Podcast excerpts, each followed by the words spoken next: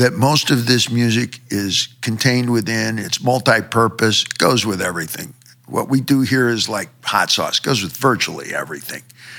And the story of the comic book is almost secondary to the medium of it. I think we reinvented the way comics are to be written. I contacted the folks who are doing Keanu Reeves comic. What, what is the name of that? We'll, we'll find that out and punctuate it. Go ahead and look that up. But they've done an amazing job. He's got a great character and it's uh, graphic, it's paper, it's graphic novel. And when I say comics, I say it with eminent reverence. Okay. I grew up with underground comics. Sorry? Berserker. Berserker. And uh, I called the folks from Berserker and I described that I was interested in now resuming a presence in the graphic novel world. I think I might have something to offer. Join the conversation because we created a new way to see comics once all the trees are gone and there is no more paper. You may have noticed that paper costs more and more, and ink and varnish, and, and the trip to the comic store, all in accelerated. Same thing has happened to my record collection. You're breathing it. It's cyber, it's dig. I'm in the Spotify streaming business, all right? And same thing's are going to happen with graphic novels. So we approached from the future, always, and then back into reality. The Roth Project, we believe, Colin Smith, Tom, and I were the pivot here of what this is. This is the first graphic novel that works 100% digitally. When you scroll, you can continually have a surprise on each new snap up, as opposed to a printed page comic where you flip the page you now have two pages, and what's going to happen?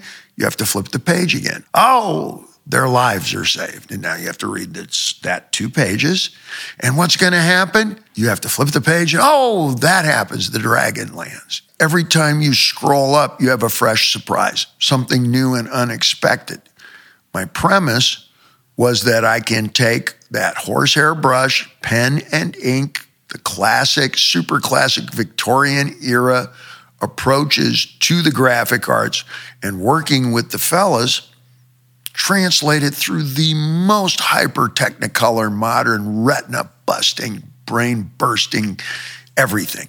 In that respect, for example, we have what's called a binocular zoom. Usually, the backgrounds in a comic strip, the closest you can get to them is putting your nose against the paper. And that Jeep on the other side of the river doesn't get any bigger. It gets a little bigger because now you're closer to the paper. Digitally, here it's fully interactive. This took six years for us to build and for me to pay for it. That's why my arm and part of my leg is missing, but not this toe. That's from rock and roll. oh, yeah. And uh, you think of this house at the Mojo Dojo, this is an art space. This is, and I live in it. Don't think of it as a house. Think of it as a production studio, an art studio, a theater setup, a collecting point for all kinds of talents. So everywhere you look here is artwork and the materials to create that both digitally and really, really old school. I'm not kidding when I say the brushes that I use haven't changed since probably the 1500s. Binocular access means you can stop the scroll, which can go manual or automatic. You can turn off the narration or listen to it with the narration. And when you stop it, you can zoom in, for example, on the truck that is parked on the other side of the airstrip.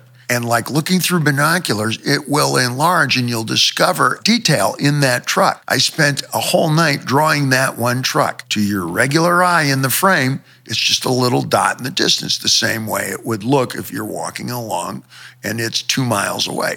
But when you look through the binoculars, now you see there's a person in it. You can see the detailing of the fenders and the spokes and so forth. And the backgrounds here have been worked on every bit as much as the foregrounds. That's very unusual in the world of graphic novels and particularly fast moving comic industry. Marvel Comics, when you first start off, you're doing inking and pencils of backgrounds. Hey, kid, come here. Give me a window, a stove, and a coffee pot on it. The front guy draws the superhero and whatever. Uh, you can get things done a lot quicker that way. I approached it the way you might in the 1920s, which is the way my mother taught me and my sisters. We were raised the way she was, the way you would do in the 1930s. For me, it was all reading, writing, arithmetic, and everything that you do indoors, musical instrument. theater, poetry, debate, family performance. One of us plays the piano, the other can sing, play chess, and then the great outdoors and everything that happens out there.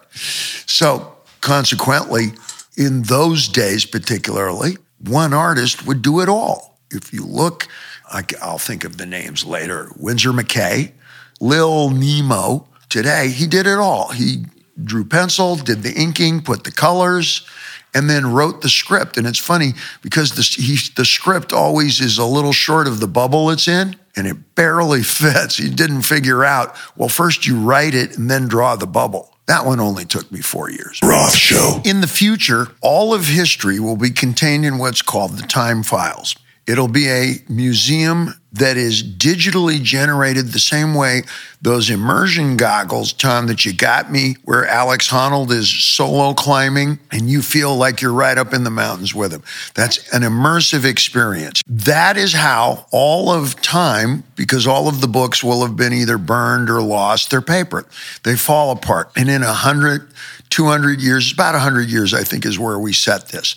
You will have a mainframe computer or several, a la the Matrix perhaps, that generate all of history from the beginning of time as man might know it, right down to the blade of grass, right to the stars in the constellation. And that is how all of history will be maintained. And that's what will be referenced in order to make decisions both legally and politically in the future. That will be the reference library for what really happened in the past. They are artificially generated computer programs. Everybody in them throughout history, you have Abe Lincoln, for example, he is not aware that he is a computer generated image. All right. They are conducting themselves in an improvisational way, however. And history can go very wrong because the Russians have a computer too. And they have the name of the computer, Russian computer, is Vektor, V E K T O R. And it has launched its own viral programs to fuck with history. So that consequently, as political and legal decisions are made internationally, who owns the rights to this river? Well, if you fuck that up in the past, it stands as a legal precedent in the courts of the world, so to speak. The United States has a team of time cops, Zero Seven, who looks a lot like me, and we go into the reasons why that is, is a time cop. He is a computer generated, AI, artificially intelligent, self aware time cop. He is sent to the different time periods in order to do battle with the various characters that Vektor is generating in the different phases of history. Zero Seven will receive a call in the muster room or the locker room where all of the time cops collect in between missions and he will have to journey back or forward in back in history various time frames as a character in that time period in order to find the most common projection of the Vektor computer which is the major a little scrotum of a character with a giant goofball bodyguard named Bob and uh, they keep showing up throughout history, trying to change who owns that river and who actually built that pyramid and the oil rights to this country, what really took place. They have to be tracked down over and over again. They have a whole coterie of bad guys. All of these characters are artificially intelligent. They are very self aware, the bad guys, and Zero Seven. Zero Seven has cohorts throughout history. What Zero Seven's colleagues and teammates in the time files, the individuals who patrol the time frames, chasing down these bad guys, is that he is actually an executioner for the Dark Ocean Society. Dark Ocean Society is a Japanese Yakuza concern that has its roots way back in the 1500s. The story of who they are is what is depicted in this upcoming teleplay. We created a teleplay here. Occasionally, the red phone in the locker room rings, and that is the Dark Ocean Society. That's the name of the crew that he works as an executioner for. And in this case, it's bad guys hunting down and killing worse guys. They are all very aware that they are artificially intelligent, generated computer imagery. The name of the Dark Ocean Society is discussed in the upcoming teleplay. We did all the background music. I sang and played it. Tom ran it through the Digiverse, Pro Tools, his shoe phone. I saw him using a Dick Tracy wristwatch. I owned one. Can't fool me. so, the teleplay is to arrive at the end of the comic strip, get to the end of the Roth Project, make your way all the way through the Roth Project, enjoy. And now, my idea is this is where an actual paper, well, there's still paper, graphic novel would pick up. I might even be interested in having an artist do this. This is when we approached and talked to the fellas uh, from Berserker. It didn't come to anything really, you know. It's uh, I didn't pursue it, frankly. Just you know, stick my toe in the water. Usually I test the deep end with both big toes, but one of these is broken right now. and probably as a direct result of that specific mindset historically. So I dibble dabble. But now I'm thinking again. The teleplay begins in the locker room where all the digital time cops are collecting. They are capable as AI generated computer programs, they are like viruses themselves, of adopting individual identities. You'll hear one that sounds like Sherlock Holmes. You'll hear another one that sounds like Dracula. There's another that sounds like Goldfinger. There's another that sounds like, and they're uh, jocking around with each other. They're fucking around in the locker room in between missions. They're giving each other shit, just like we all do in the locker room. All right. That's what the opening voices are. And then the narration begins. The red phone rings. 07 is being summoned back to 1951, where the Dark Ocean Society is operating out of right now. And they have a big problem. Vektor has launched a series of viruses throughout time, and 07 is going to visit those offices of the Dark Ocean Society in 1951. He's going to be given a mission. And yeah, somebody stole the family sword. He has to get that back too. They're very self-aware. They know everything. They've seen every movie.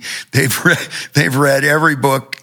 They've uh, ventured through every podcast. They've seen every uh, film clip, every paperback, and they uh, routinely re- quote these and make fun of themselves. So yes, somebody stole the fucking family sword and he has to get that back as well. Roth Show. Prepare yourselves. If you enjoyed Hannibal Lecter, you may enjoy the ending of this. This is classic Japanese, brutish graphic novel stuff. This is not for the squeamish.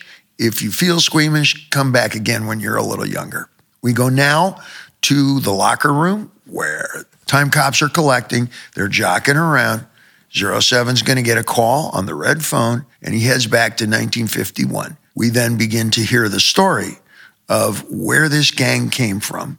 They're all computer generated images who are starting to move up through time. I did the music in the background, the singing, the drums, etc., engineered by uh, Tom Sarowski, and uh, as always, our graphics. Uh, are uh, the preeminent. I'm sorry, I'm high. What's his name again? Colin Smith. Sounds like a drink. That's a Tom Collins. Yes. Well, that's the whole staff right there. I like the way you think. As far as I know, fully interactive digital, uh, excuse me. As far as I know, fully I had to give up a big toe to get this shit. I understand why careers are ruined. You got to you got to excuse me.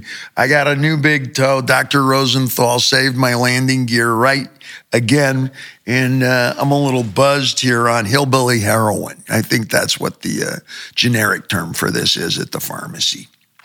Um, nevertheless, I do feel talkative. Do I sound talkative? I feel talkative. Tom's about to wedge, and yeah, you do seem. Roth Show. I am not aware of any other graphic novel depiction or presentation that works the way this one does. It was designed not to depict my ability as an artist or even as a storyteller, though I think we may have topped out pretty well in those departments. This is designed to reinvent the way graphic novels are presented in the future. This is how they all will be presented in the future.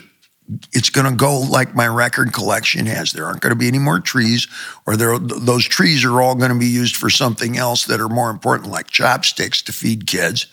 I mean it. And a printed page with varnish for a superhero? No, that's going to be on your laptop like my record collection is. It's going to be in your earbuds like my, it's going to be in your fucking wristwatch.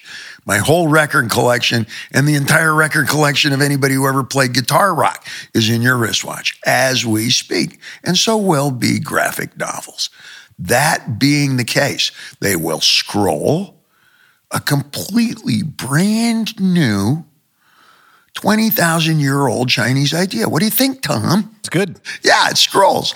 And that way it's infinitely interesting. Each time you, you scroll, that's an actual rate of measurement here at the Mojo Dojo. And reveal, reveal. You can have punchlines over and over again. We provided background music as all graphic novels will have in the future. Why wouldn't you? It's contained in the same screen that all of the music collection of the earth is, creating something for even paperbacks. We started creating some blues type music to go along with Bruce Springsteen's spoken word autobiography. It was great. It went together. And you know what else? That same music went beautifully with somebody with a British accent reading, It was the best of times, it was the worst of times it went from Freehold, New Jersey to the, you know, that point in, in, British history perfectly. And why wouldn't it? The medium is already there and responsive to it. So we not only created backing tracks and soundtrack music, and uh, why don't we give our, our team a name? We'll call it the Bomb Squad because this shit's the bomb. All right. The Bomb Squad can create this for any of your paperback novels. Have somebody, a great actor, read the narration, not me. I tried to be a great actor. You'll hear that throughout, but I'm not an actor. But that's my charm, that I know that. And then you can have any numbers. A lot of unemployed geniuses here in showbiz town, and there's a few other showbiz towns just in the United States alone to create backing track or soundtrack music the way you might for a TV show, a series, or a movie for a graphic novel is an easy no brainer if you are scrolling. Here we've created it to where you can just kick back and watch it the way you might a scrolling slideshow, or you can stop it and do it manually. I narrated and read because this was designed also to be a novel, Game of Thrones, and it's sprawling so that you have endless plot threads. So that's what you're hearing at the end of the graphic novel. Here we begin again. Let's go right back to the beginning. Like a great James Bond movie, we open up in a chase scene. There's complete mystery. Who are these people? Where are they? Why are they chasing? What is happening? And then we go back to, okay, here's the history, so forth. What would essentially in a movie be two to four minutes of chase scene and result took us six years to create. Wow. A little over half a million dollars. Crisp. That didn't include uh, catering by Postmates. It was endless. But it was when we do these kinds of projects here at the Mojo Dojo, which is my house in Pasadena. They're the kinds of vacations where you pray for rain so that you don't have to go home for another four days because the airplane didn't couldn't land. I'm sorry. The airplane can't land. Don't yell at me. I'm not the pilot. I'm not the plane. I'm not the weather. Anyway, wish me luck, but in Spanish, and I'll see you guys four days late. That's what happened here. We uh, endless combinations and collaborations of some very inspired very, very, very high paid talent here, worth every penny. Uh, something I always dreamt of. So enjoy our graphic novel, fully interactive digispace. It's full of apps. You can sit and read the book form by Kindle, and we have particular music for that just for reading. In theory, being this is how all paperbacks would be. Why wouldn't you create soundtrack music for any given paperback that comes if it arrives digitally, electrically. The medium's already there. You already have the headsets on. Strap in and watch out. This is adult level. This is ancient lore revisited in a way that is may not be digestible for the easily squeamish. That shit is intentional. The Bomb Squad, myself and Tom Sarowski sitting over here. The Bomb Squad's pretty good. That's a great name. That's a good t-shirt, right, Tom? Absolutely. Okay. Podcast Tom is actually Tom Sarowski, who's worked on everything from the boss to the Super Bowl. And I have actually bought everything the boss has made, and I have watched the Super Bowl. So this was fucking meant to be, Tom. This shit is the bomb. The Bomb Squad is also responsible for the four Van Halen songs that are currently on uh, Instagram, face page, you and me too. We're everywhere. We're fucking digital, dude. I'm not. I don't even own a smartphone. I own the smartest phone Cricket makes. I don't anything that fucks the line up in my pants. It's vanity, Tom. Driving the spaceship's up to you. Why we even bother? That's up to me. As I'm sitting here, I'm thinking, hire the bomb squad to do your soundtrack music, your soundscaping, I'll call it, for your next what would we do? A Sopranos episode. Because they'll try again for the third time. It's like Rocky. That's those are the most popular characters ever. I think the most popular character in the history of television, according to some key major survey, is Tony Soprano. Yeah? I've heard that. The Soprano family. All right. Our, our, background would go with something that is space, right? Outer space. That's that's beyond the curtain of the trackless nuclear atomic void. Do we even use the word atomic anymore? It's I an mean, old version yes, of nuclear. Yeah, nuclear. Nucleus. No, I think it's nuclear. Nuclear.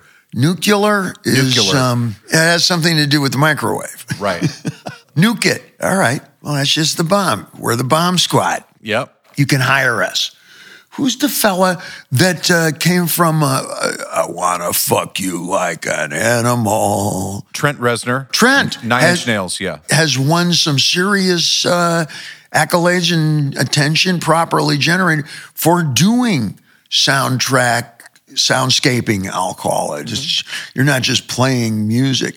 One of the best soundtracking soundscapings I ever saw was Abel Gance. That's the French way of saying Abel Gance director, silent film of Napoleon. I believe it was five hours long, and it was at the Shrine Auditorium, which driving through, I think that might be the new Galen Center. It was on a triptych screen, three giant movie screens, so that it was cineramic, wrapping almost from uh, nine to three o'clock, facing into the 12. Got it? With a full 105 piece orchestra with a specially designed score to go along with the film because it was a silent film about the life of Napoleon. I had to go three times. It played, I think, five days in a row, and I had to go three times because I kept falling asleep. I can only watch three hours of film at any given time, sitting in the dark. And with Coppola conducting the orchestra on at least one of those nights. So I went and I watched the first three hours and fell asleep. And then I came back intentionally to watch the middle three hours and then got to the end. My takeaway is that the music could have been generic to any number of things. It's sort of serendipitous, a great way of saying that when you play Metallica, turn off the sound, watch a football game, and it will make sense more frequently than not, as if somebody edited it together. It'll just go together perfectly. Okay. This live orchestra playing along with what was happening on the screen may or may not have been actually perfectly timed. We use that principle for our graphic novel here. Whether or not you're just listening to the music, you could even turn off the graphic novel. We put as much time into the music as well. So hire us. We'll do your next outer space uh, sopranos. What else is our music? Our stuff is hard boiled. I'm hard boiled. I'm a product of, you know, Mickey Spillane and that Humphrey Bogart stuff, black and white movies is my time period. So film noir is, you know, I'm a little bit, I'm a little bit well salted. but uh, yeah, that's the best stuff. Make your fucking eyes water. Roth Show. Banking wasn't base, but it was close. After op nonsense, the usual brain trust. Sometimes I like to fuck with the guys. Okay, okay. Who's buried in Grant's tomb? Jimmy Hoffa. How much time do I have? Nice try. What color's an orange? Is this two out of three? What language is Spanish? Originally, Okay, that was a good one. Latin. Right. Us dummies will surprise you at times. Hey, how'd I do? I had a dick. How could you possibly know that? How did you? Look it up. I will not look it up. Hey, I brought some dumb chick home one night from the land's edge and accidentally discovered a dick. ah, I think I know who you're talking about. The tall chick with the muscles. You guys are disgusting fucking cavemen fucking cavemen. What's she trying to say? You guys are disgusting fucking cavemen. What did you do? Bro, I can make taxi fare in 182 languages. I'm AI. It's the new world out there. That's right, and you Neanderthals should think about joining did it. she just turn into? She's woman. Hear her roar. Today I am a fine young American black woman with a future. Yeah, right. Careful pencil dick. Black eyes matter. Oh, how'd I do die? Just got his shit slapped. I don't know how you guys got to be programs. The mainframe beckons. What's he mean by that? He means there's a call coming in. The red phone. Suddenly, everyone's being great at spontaneously being mystified. Mystery. Nothing more than the absence of information. The red phone. No mystery here. The red phone. Stop being headlines a long time ago. The red phone. Let me guess. Leaving on a jet plane. The red phone. Big old jet airliner. The red phone. Was my baby gonna write me a letter? Front office was kicking my ass head first into some creepshow corner of the past again. Eleventh commandment. Thou shalt not lie. If they were sending me where I thought I was gonna get to practice more than my Japanese cooking class. Sliced peach. Meet the Dark Ocean Society. Started off wrong in the 1500s. Left a trail of souls all the way up until now. And right now, headquarters was Yokohama, 1952. Headfirst into the past meant command was all red flags from the boys based in Tokyo. Not my third time downtown with these sharks, and like a lot of family reunions, combustible. The combination was potent. How I got there was up to me, but time's up. Get there. I could take the usual mainframe Frankendump A train, or turns out my time machine's just perfect for the occasion. Go low, go slow. Seven up, baby. Always had it, always gonna. Trouble man, south on the Harbor Freeway. Making the scene with a gangster lean. Hard right, ice beer lotto. Last gas till the rising sun. 1952. Japan is a parking lot. American bombs have seen to that. Well to do bankers and businessmen suddenly find themselves camping amongst destroyed ruins along the now homeless city. Water wars, food struggle prevails. Many living now outdoors, an art form few in Tokyo had ever even attempted. After 10 years of economic depression and 10 years of war, Japan now faced 10 years of anarchy and violent confusion. Lawless, unpoliced, a once great country crying out for order. And order has arrived in the hands of the most terrifying and vicious killers history has ever produced. My kind of town. The hamster wheel I was on was usually 13 steps closer to the dark ocean than you'd ever want to be. God's honest truth, though, I see better in the dark. Fanning out through Japan's burned out cities and the resultant unrest, seven families controlled with a conscienceless fury. Beneath the shark skin and wristwatches were the same tattoos that caused even royalty to pause back during Da Vinci. It was then, during the 1500s, their legend and the very real story behind it began.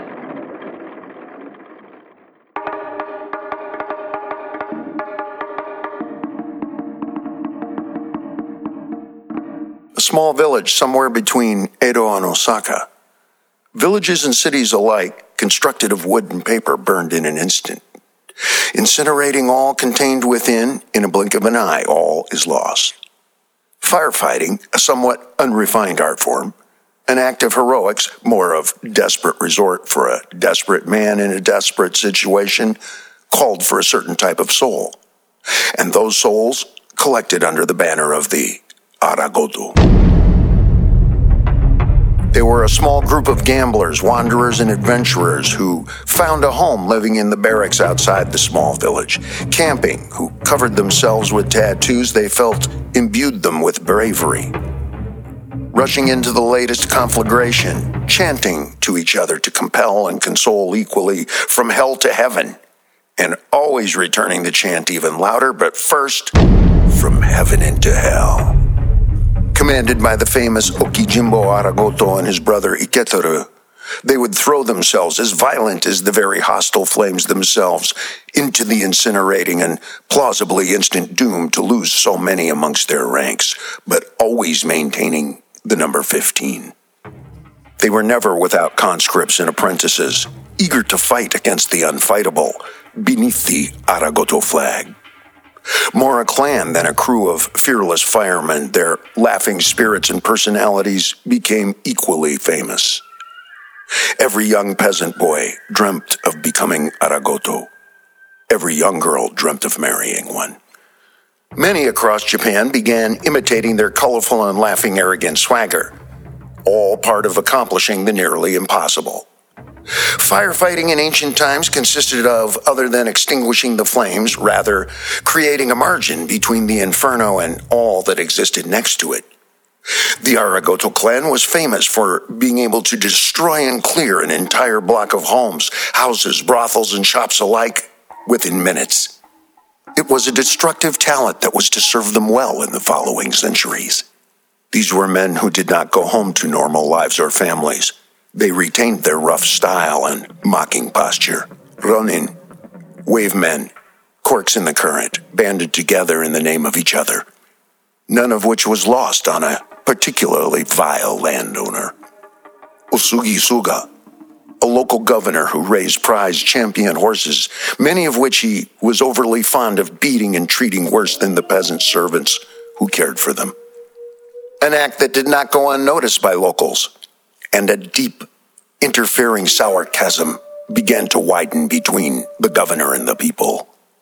Usugi Suga, a hateful and vengeful soul, if there was a soul to be had. Hated by all, he fostered a slow and simmering rage against the honored Aragoto clan. He had watched them very slowly pry open his iron hand and find their way into the hearts of those which he had very much hoped to subjugate. The final blow came one snowy February night. A cook fire accidentally torched the castle. The walls burned instantly and brightly. The Emperor's prized horses whinnied frantically and terrified. Twenty-five of his loyal manservants struggled to free the expensive animals. The very foolish governor had ignored their pleas to not lock the animals safely into their stalls with iron chains and padlocks. Even now, the heat increasing and becoming unforgiving. Okijimbo and his men descended into the inferno with little or no regard for personal safety. After saving all of the retainers in the royal court and realizing that the animals would die a vulgar and agonizing death because of the governor's arrogant miscalculation, animal lovers themselves, they decided to quickly dispatch the creatures mercifully. Firing arrows perfectly, accurately, into their neck and heart, the animals died painlessly in the blink of an eye. Nine of the Aragoto died horribly in the flames, hoping to save both creature and man. Their fearless teammates stood helplessly to the side of the flames, watching their soon to be lost brothers and chanting, From heaven into hell, and from hell into heaven. The following morning, with the burning husk of the castle as a backdrop, the governor's rage could not be contained.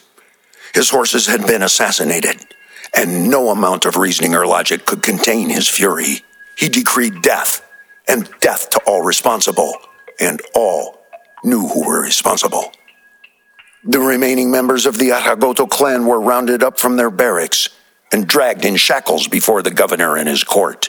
Already convicted by the corrupt official, they were to be buried upside down, crucified and alive, in the foundation of the very horse stalls in which they had attempted to rescue the terrified animals.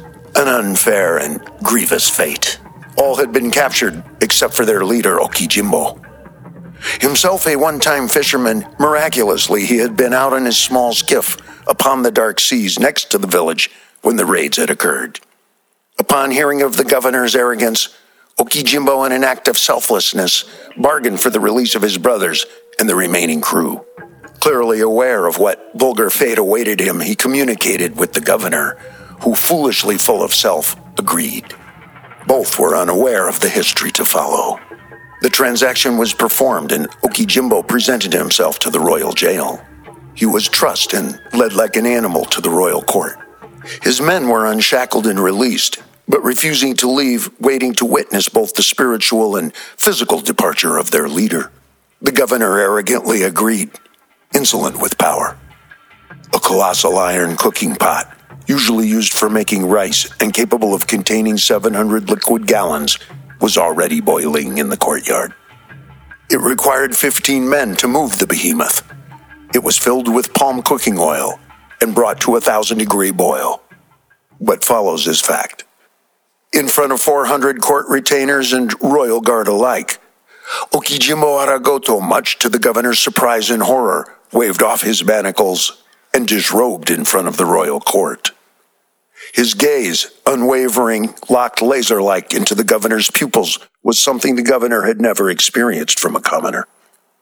Okijimbo backed towards the boiling, seething, cooking oil filled pot, turned, climbed up a seven rung, hand hewn, rough wooden ladder, and without a sound or waver of his gaze, stepped over the rim and descended into the boiling, viscous fluid. He raised up once, disappeared to the bottom, and into history forever. It was 22 minutes before a single sound was made. Nobody moved a muscle. Like a silent breeze, a springtime pulse, lifting the tiny corner of a rice paper page in an ancient book. You could feel the change. You couldn't hear it. You couldn't see it. But it was there. And nobody could feel it more than Governor Osugisuga. No one in the country had ever seen an act of selfless loyalty like that in their life. They would not see it again. He had boiled himself alive. It was a whisper that moved across the country. Exactly one year later, on the anniversary of Aragoto's demise, Governor Osugisuga awoke to an empty castle. Royal retainers disappeared into the forest, leaving doors unlocked, gates opened. Suga was caught flagrant delicto with two of his comfort boys and unceremoniously imprisoned. He was ironically kept in one of the newly rebuilt horse stalls, one that had caused all the calamity. The looming cookpot that had meant so much to his political history, dispatched to the royal blacksmith, broken apart by hammer, and melted down. Two items were forged. First, a small peasant's lantern, the kind used for hundreds of years by a fisherman out upon the dark ocean. The other, more an act of craftsmanship. Blacksmiths had worked for days fashioning a huge bandsaw, handles on either end, a surgically sharpened and toothed wonder. Two men heaving back and forth could fell one of the giant local cypress trees in minutes. Osuga was marched by both monks and guards into the courtyard. He was staked out naked and spread eagled. He was blessed by the monks. The remaining firefighters took turns, first removing a toe, a finger, an arm, then a leg. The final four removing his head. The pile of limbs were collected and taken to the fishing boat that had been Okijimbo's humble beginnings. Huge black gorax, ravenous birds used just for such purpose, prepared even now to give the deceased a sky burial. The ravenous, predatory scavengers hurling themselves, blood spattered, offal covered, and deep into the gore. As the vulgar, grunting creatures devoured Suga's remains, the boat was towed out of sight of land. The birds, bilious and overfed, unable to fly any distance, were shooed away from the listing ship until they fell helplessly exhausted into the waves. There, they were eaten by the waiting sharks. The governor's head, taken to the royal chef, was boiled and rendered. The fat of his brain scraped off and poured into the peasant's lantern that had been prepared just for this purpose. A small flame was lit, the lantern placed at the foot of Okijimbo's grave. The skull, scraped clean and varnished, given to the children for toilet training. The Aragoto symbol was reconfigured, reflecting two diamonds with a base. The lantern. All who steered by its light would navigate these dark waters together. The Dark Ocean Society. Their DNA had been programmed artificially and duplicated in the two individuals I would be sitting in front of. 500 years later. Okijimbo Aragoto and his brother Iketeru were now Boss O and Ike. and they learned a little bit since the 1500s.